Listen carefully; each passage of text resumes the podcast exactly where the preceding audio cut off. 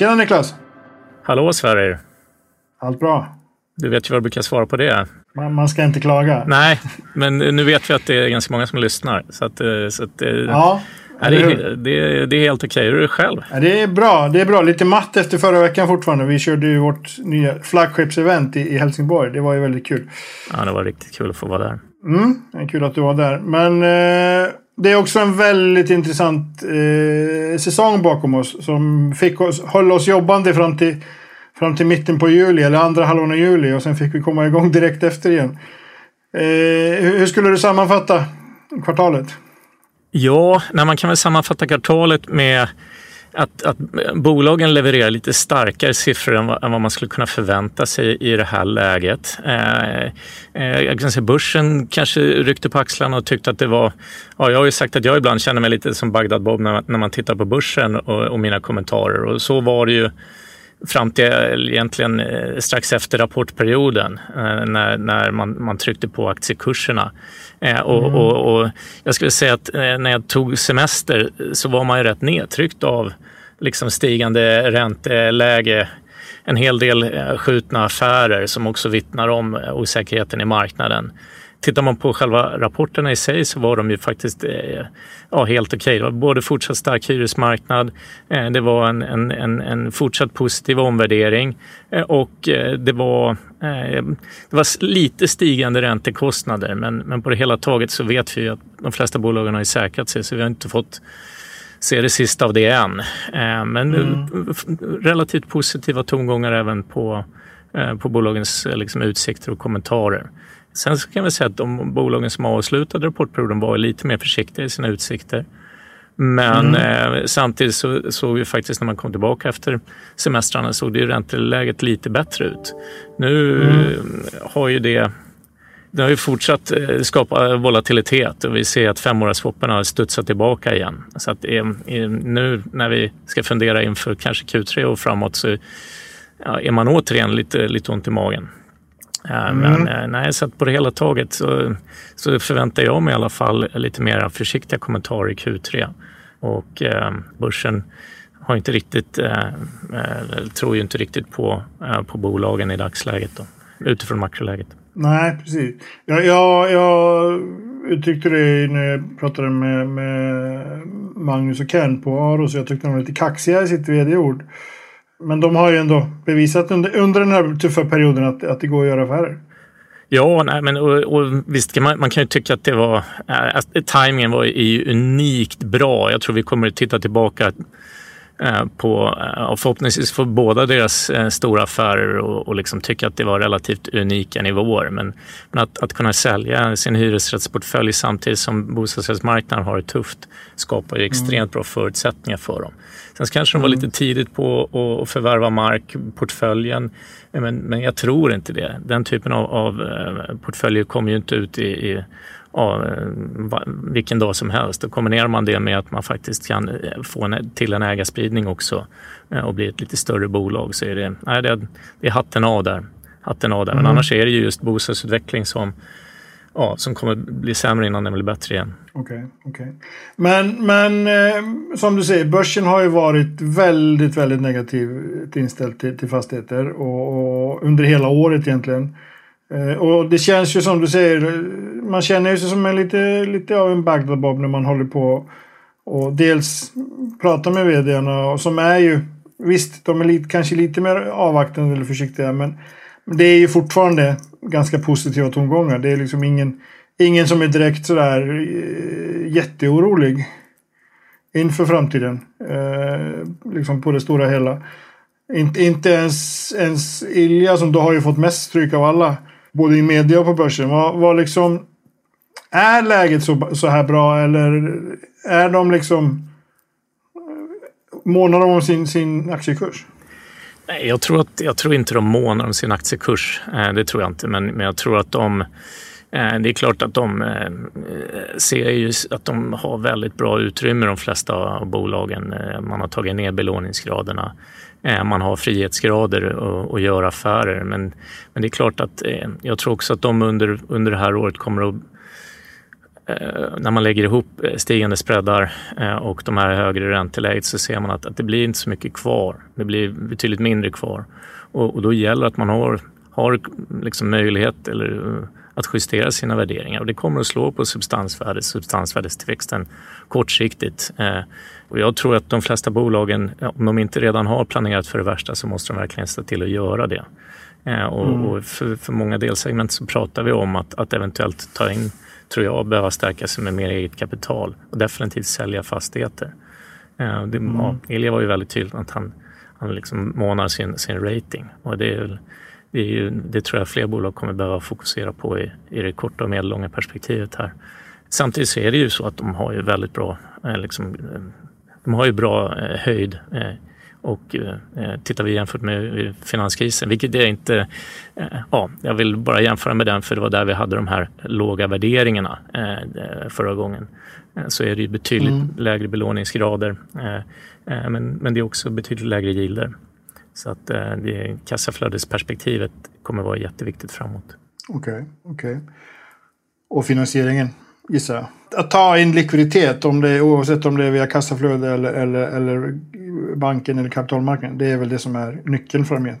Ja, och, och, nyckeln för i och med att vi eh, liksom eh, är fastigheter, eh, the shit, i en liksom, höginflationsmiljö där de tvistar och de lärde. Det är framförallt bra i, i en högkonjunktursmiljö som vi har lärt oss genom åren. Men jag tror att det kommer bli extremt mycket fokus på driftsnettorna in i nästa år. Vi förväntar oss en, en KPI som kommer in mellan 7 till 10 procent i oktober till oktober. Så det blir extremt viktigt för bolagen att få med sig huvuddelen av den här ökningen in i driftsnettona. Det är mm. ju inte utan utmaningar för bolag som bostäder såklart som som jobbar med, med förhandlingar med, med Hyresgästföreningen. Det kommer inte bli lika högt men förhoppningsvis blir det högre än vad man historiskt sett eh, har förväntat sig. Du har en väldigt, det tar ju lång tid innan de får kompensation. Men de får ju mm. kompensation. Just nu behöver de lite mer kortsiktigt för de får ju även äta upp lite kostnadsökningar, inte bara finansiering. Eh, sen, mm. är det ju, sen är det ju samhällsfastigheter och, och egentligen logistik som har en, ja, den bästa positionen skulle jag vilja säga. Att, att få med okay. sig driftsnettorna. Eh, ja, industri slash logistik har en extremt stark hyresmarknad, trippelnettavtal så att hyresgästen står för kostnaderna. Medan samhällsfastigheter har i sin trygga hyresgästbas som definitivt inte går i konkurs och generellt sett långa, eh, långa avtal. Eh, så det är ju Eh, det är väl där ja, egentligen vinnarna om man tittar på om man tittar på fastighetssegmenten eh, borde, borde komma in i, i, i Q4 och in i nästa år. Mm. Ja, jag har ju varit lite sådär nu, orolig kanske för samhällsfastigheter för att Alltså det är ju ett segment som aldrig har gått igenom ett stålbad. Det, här. Eh, det är ju ett segment som är tio år gammalt och det har ju liksom varit Det har varit uppgång under hela den perioden, eller 10-12 år gammalt. Sen är det ju trygga avtal. Det är ju det är ju hyresgäster som inte kommer att, och, och liksom ställa in eh, hyresbetalningarna. Men, men är det själv, självklarhet att kommunerna kommer att acceptera, framförallt är det ju kommuner, att kommunerna kommer att acceptera en, en eh, hyreshöjning på 10 procent? Jag tror inte att de har så, så mycket alternativ kortsiktigt. Jag menar, eh, det är pacta sunt servanda, avtalet mm, går ju och står. Jag skulle säga att alternativen för dem att, att byta till någonting annat kommer ju bli färre med tanke på att projektkostnaden att bygga nytt som någon slags alternativ till det som går och står eh, har ju blivit ännu dyrare. Så det, det, nej, men det tror jag absolut. Sen, sen så är det klart att eh, det kommer säkert att höjas krav på att eh, kappa avtalen etc. Men å andra sidan, eh, om man går med på det i det här läget, man får ändå med sig en bra bas och det kan ju finnas ett, ett ännu större värde att förlänga hyresavtal. Så vi får väl se liksom, hur fastighetsägarna balanserar det där. Men, mm. men eh, kommuner, statliga organisationer kommer behöva liksom slicka i sig. Det, det är ju en tillväxtbransch i Sverige. Det spelar nog inte så stor roll eh, vem som eh, vinner valet här om lite mindre än en vecka. Utan liksom, man kommer att satsa på, ja, på, på det kommunala och statliga. Kanske lite mer om det blir rödgrönt. Eh, men eh, och vi har ju Fortifikationsverket som har fått en, en, en rätt stor kaka egentligen från båda genom att satsa som vi har sett eh, expanderat rätt mycket. Nej, jag, jag tror samhällsfastigheter kommer fortsatt vara en tillväxtbransch Och det kommer vi kunna se även i, i, i driftsnetoutvecklingen här för den typen av fastigheter. Okej. Okay. Du nämner valet. Du är ingen, ingen statsvetare men, men det är ju ändå samhällsfastigheter har ju varit en, eller blev det tills, tills alla fick en högre elräkning så var ju samhällsfastigheter en, en valfråga. Jag tror du att den kommer, är glömd? Hoppas du att den är glömd? ja, jag hoppas ju att den till viss del är, är glömd. Sen så Ja, sen så är det ju klart att det är viktigt att eh, de privata operatörerna inte får, får dela ut pengar och, och liksom begränsa sig och kommer det här leda till vakanser? Vi får väl se om, om hur det här, eh, men det är klart att behovet av på skolsidan finns ju definitivt kvar. Eh, ja, så det kommer de här skolorna drivas i kommunal eller i, i privat regi och hur snabbt kommer den här övergången ske? Jag, jag tror inte att det kommer att slå på, på fastighetsägarna. Okej, okay, okej. Okay. En, en intressant eh, fråga i just det, det sammanhanget är ju hur, hur i hela friden det offentliga ska köpa tillbaka skolor för, för vad kan det vara, 100 miljarder nästan. Den tål jag att tänkas på. Men, men eh, en annan fråga vad gäller hyreshöjningen är ju någon som till exempel Magnus Dager lyfte här i DE häromdagen för ett par veckor sedan. Alltså kan näringslivet ta en hyreshöjning på 10 procent? Sådär, generellt över linjen. Då pratar vi kontor framförallt. Ja, nej, precis. Och, och det, det, är klart att de kan. Eh, men det är ju frågan om de vill det. Det är väl ingen som vill ta högre kostnader. Jag tror att nej. det finns... Jag, jag skulle säga att de större, största utmaningarna där borde väl ligga samma som vi såg i pandemin här på Ja, egentligen på retail, eh, köpcentrum. Menar, där har man svagast purchasing power lite grann. Där är, där är det mest ömtåligt. Där behöver man kanske mm. ja, ge vissa rabatter för att behålla Eh, särskilt som det ser ut nu på, ja, på Consumer Conference etc. Eh, och, och, och, så det är väl det jag eh, fokuserar på. Sen så är det ju i slutet av dagen, jag menar, hyrorna står ju för en relativt liten del av de totala kostnaderna. Och den totala mm. kostnadsmassan kommer att öka ytterligare. Det är klart att man kanske har lite respit på, på kontorssidan om man tittar på lönerna som inte kommer att gå upp 10 procent. Så det kan ju vara Ja, det är ju bra i det perspektivet. Ja, jag skulle säga att kortsiktigt så är jag också orolig för på industrisidan med tanke på de här starka eller höga energiprisökningarna och, och risken för att man behöver stänga ner eh, basindustrin i Sverige.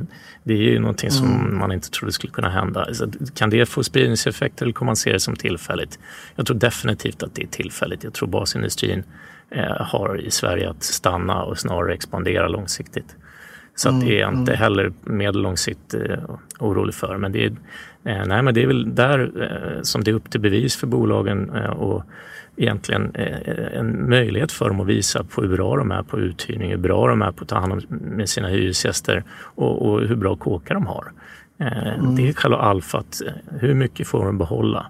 Hur mycket har de möjlighet faktiskt att höja hyrorna? Det är det som mm. kommer att skilja agnarna från vetet.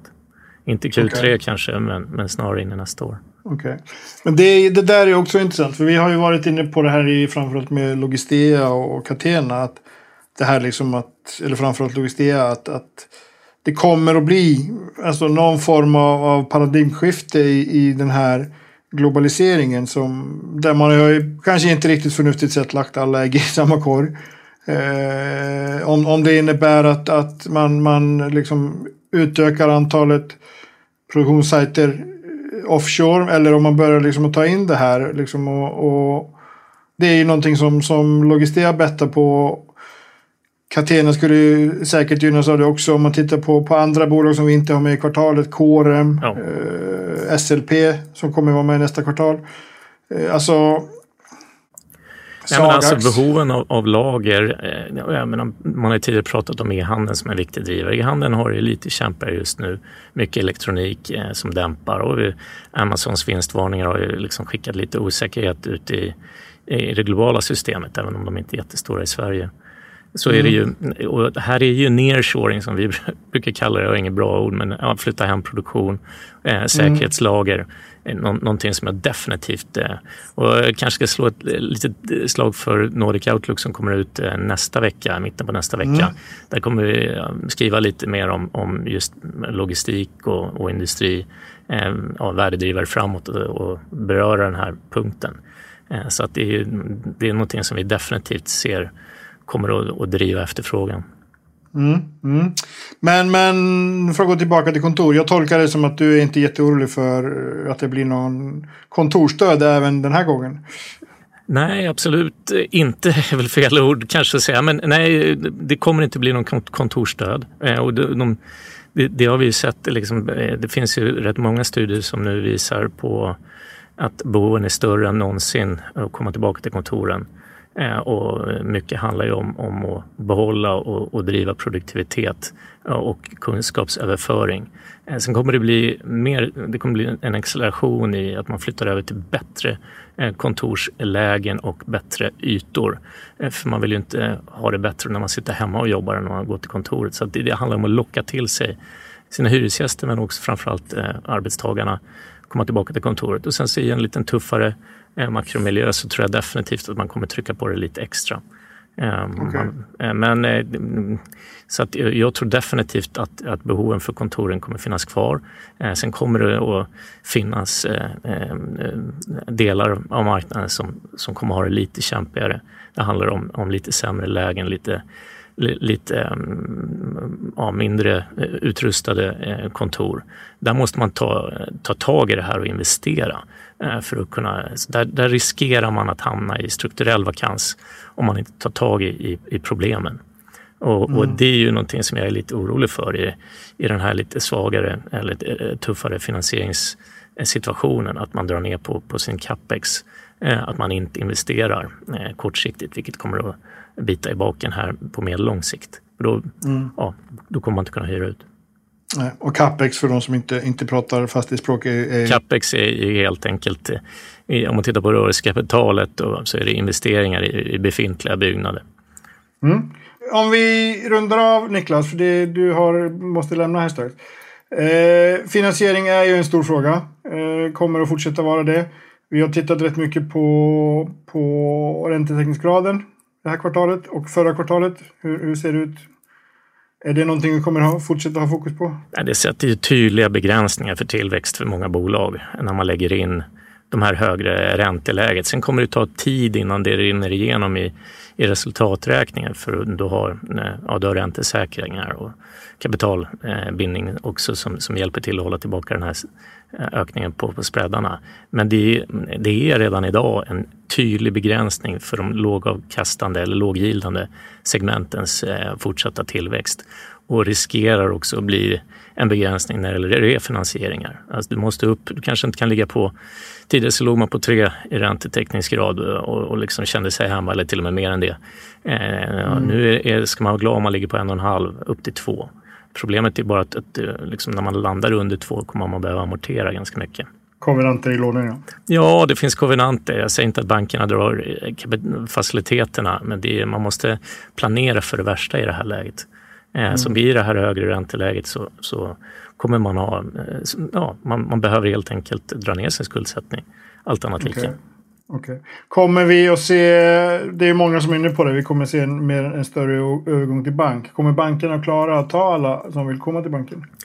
Jag tror, eh, alltså inte för att, eh, jag vill inte avsluta med något negativt, men det, i det här läget så är det inte kanske i bankernas intresse eh, att ta alla heller med tanke på, jag menar bankaktierna pressas om de har högre andel fastigheter. Det är jag lite orolig för. Det kommer hålla tillbaka Eh, och, och, men så länge eh, vad ska man säga, A-ratade bolagen, det vill säga ja, av de vi har i kvartalet här så är det Willem då som är som backade av AP-fonden.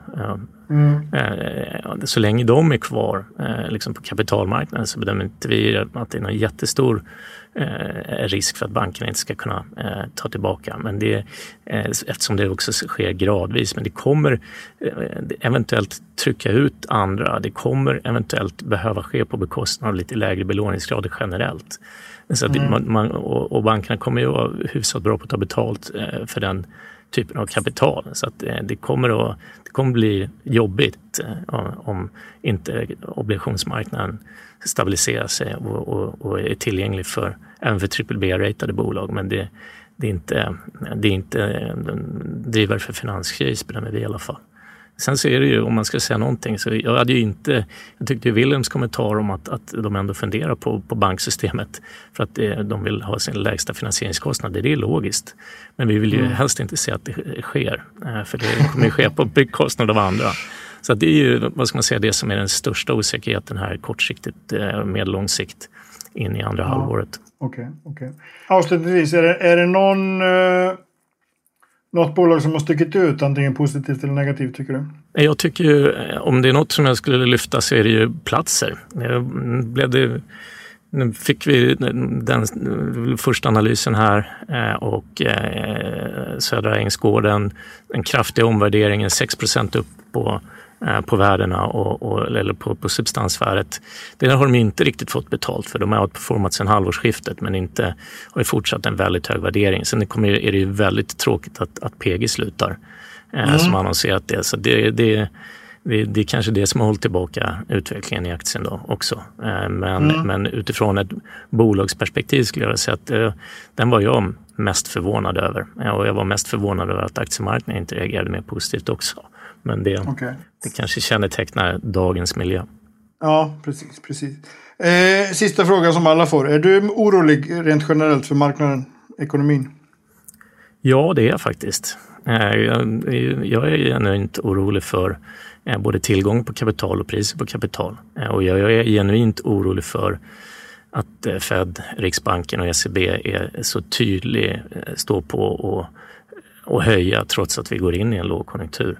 Det tror jag kommer mm. att kosta eh, mycket mer än, än, eh, än vad det smakar på att hålla eh, inflationen i schack. Så det kommer ta längre tid att komma ur den här ja, konjunkturnedgången ju, ju, längre de står på sig med att höja räntorna in i, in i, in i, in i kaklet. Så mm. det är jag inte orolig för.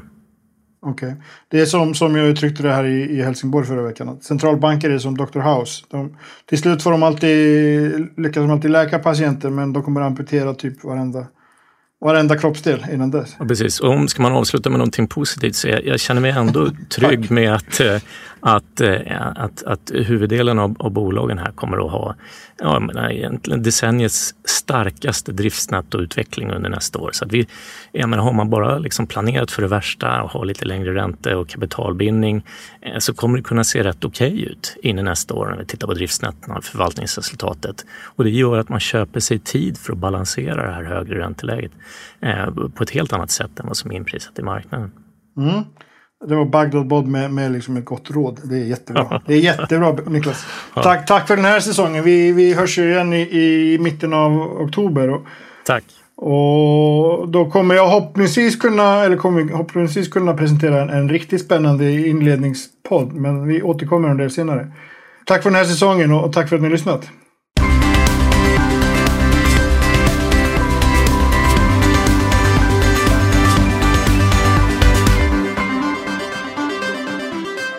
Det här programmet görs på Beppo. Beppo.